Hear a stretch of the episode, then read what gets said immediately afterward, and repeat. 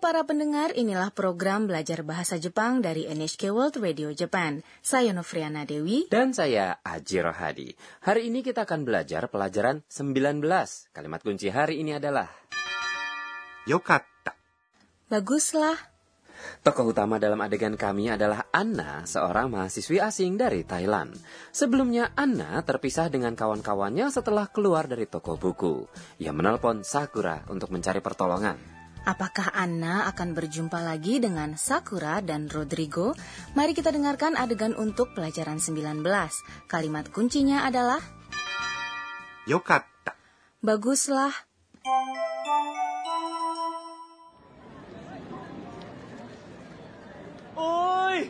「 よ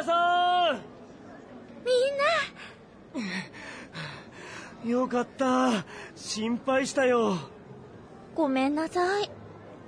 カメラが安かったので、つい見てしまいました。 Sekarang mari saya jelaskan mengenai adegan tadi. Rodrigo melihat Anna lalu berseru, おーい、アンナさん。 "Hei, Anna."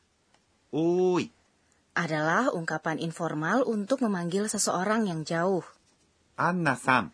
Berarti sedang berbicara kepada Anna.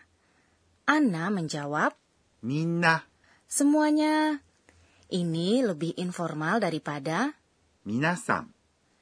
karena lega melihat Anna baik-baik saja, Rodrigo menjawab, よかった。 dalam konteks ini artinya baguslah atau saya senang Anda selamat. Ini adalah kalimat kunci hari ini.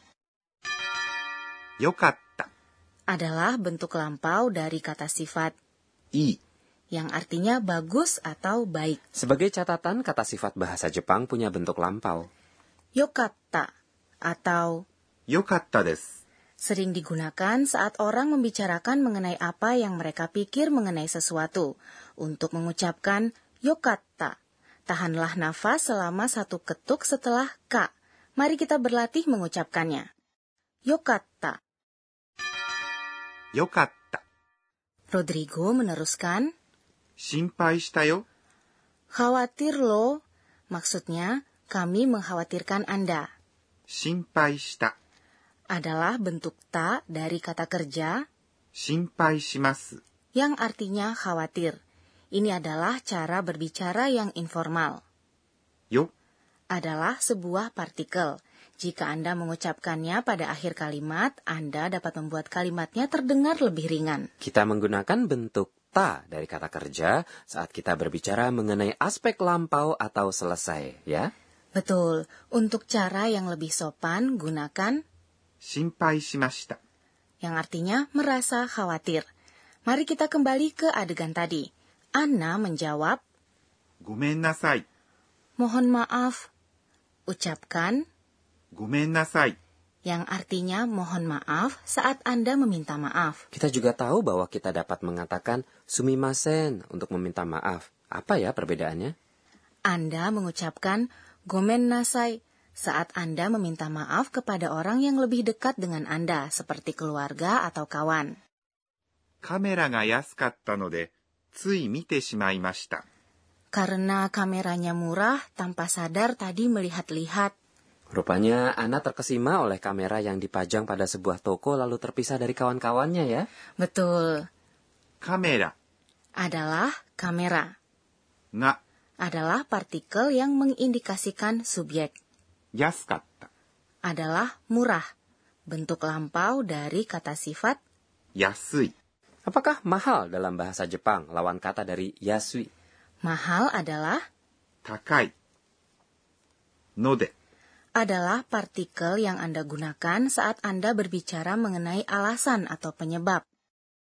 つい、 Adalah tanpa sadar. Ini artinya Anda melakukan sesuatu tanpa berpikir. 見てしまいました。 Adalah telah melihat-lihat. 見て、 Adalah bentuk T dari kata kerja 見ます。 yang artinya melihat. Ini diikuti oleh しまいました。 Kita telah mempelajari bahwa jika kita tambahkan shimaimashita setelah kata kerja bentuk te, artinya mengatakan kalau kita telah melakukan sesuatu dengan ceroboh atau tanpa sengaja. Kita telah mempelajarinya di pelajaran 18. Wah, Aji masih ingat ya. Nah, kini mari kita dengarkan lagi adegan untuk pelajaran 19. Kalimat kunci hari ini adalah よかった。 baguslah. 「おーいアンナさん」みんなよかった心配したよごめんなさい。カメラが安かったので、つい見てしまいました。 Sekarang waktunya pojok Sensei Oshiete. Penyelia program ini, Profesor Akane Tokunaga akan mengajarkan mengenai poin pembelajaran hari ini. Hari ini saya ingin tahu lebih rinci mengenai bentuk lampau dari kata sifat. 私が教えましょう Sensei mengatakan, Anda telah mempelajari bahwa ada dua jenis kata sifat dalam bahasa Jepang, yaitu kata sifat i dan kata sifat na. Kata sifat i adalah yang berakhir dengan suku kata i, seperti misalnya murah. 安い。 Kata sifat na adalah yang berakhiran na setelahnya saat menerangkan kata benda. Misalnya, suka. 好き。好 Saat menerangkan kata benda, kata ini menjadi きな。 Jadi, manga kesukaan adalah 好きな漫画。 untuk mendapatkan bentuk lampau dari kata sifat i, gantilah i menjadi 買った。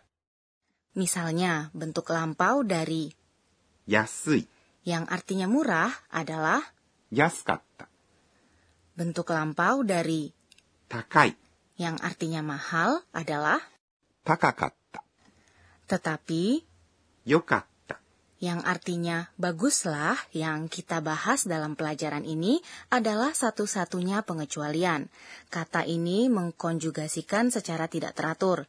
Bentuknya dalam kala kini adalah いい。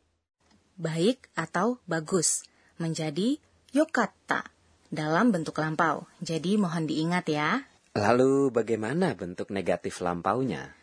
Untuk mengubah kata sifat i menjadi negatif lampau, gantilah i menjadi くなかった。 Misalnya, yasui yang artinya murah berubah menjadi 安くなかった。 i yang artinya baik atau bagus menjadi 良くなかった。 untuk mendapatkan bentuk lampau dari kata sifat na tambahkan data di akhir kata sifatnya. Jadi 好き。好 yang artinya suka atau gemar menjadi きだった。便利。 yang artinya praktis menjadi 便利だった。 untuk mengubah kata sifat na menjadi negatif lampau tambahkan ではなかった。 Misalnya, ski yang artinya suka menjadi 好きではなかった。 Itulah tadi pojok Sensei Oshiete. Berikutnya adalah pojok kata tiruan bunyi. Kita memperkenalkan kata-kata yang menyerupai bunyi, suara, atau perilaku.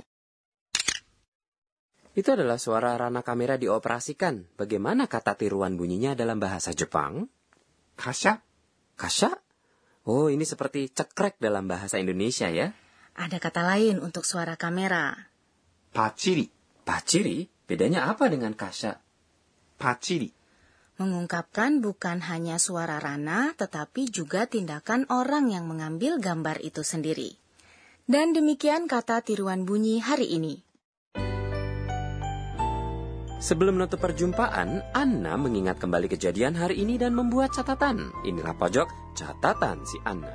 えーっと、今日は、 Saya tersesat sehingga membuat kawan-kawan jadi sangat mengkhawatirkan saya. Saya menyesal. Namun saat saya menunggu mereka, saya membeli satu kamera. Gambar apa yang akan saya ambil ya? Apakah Anda menikmati pelajaran 19? Kalimat kunci hari ini adalah よかった。 baguslah Bergabunglah kembali bersama kami.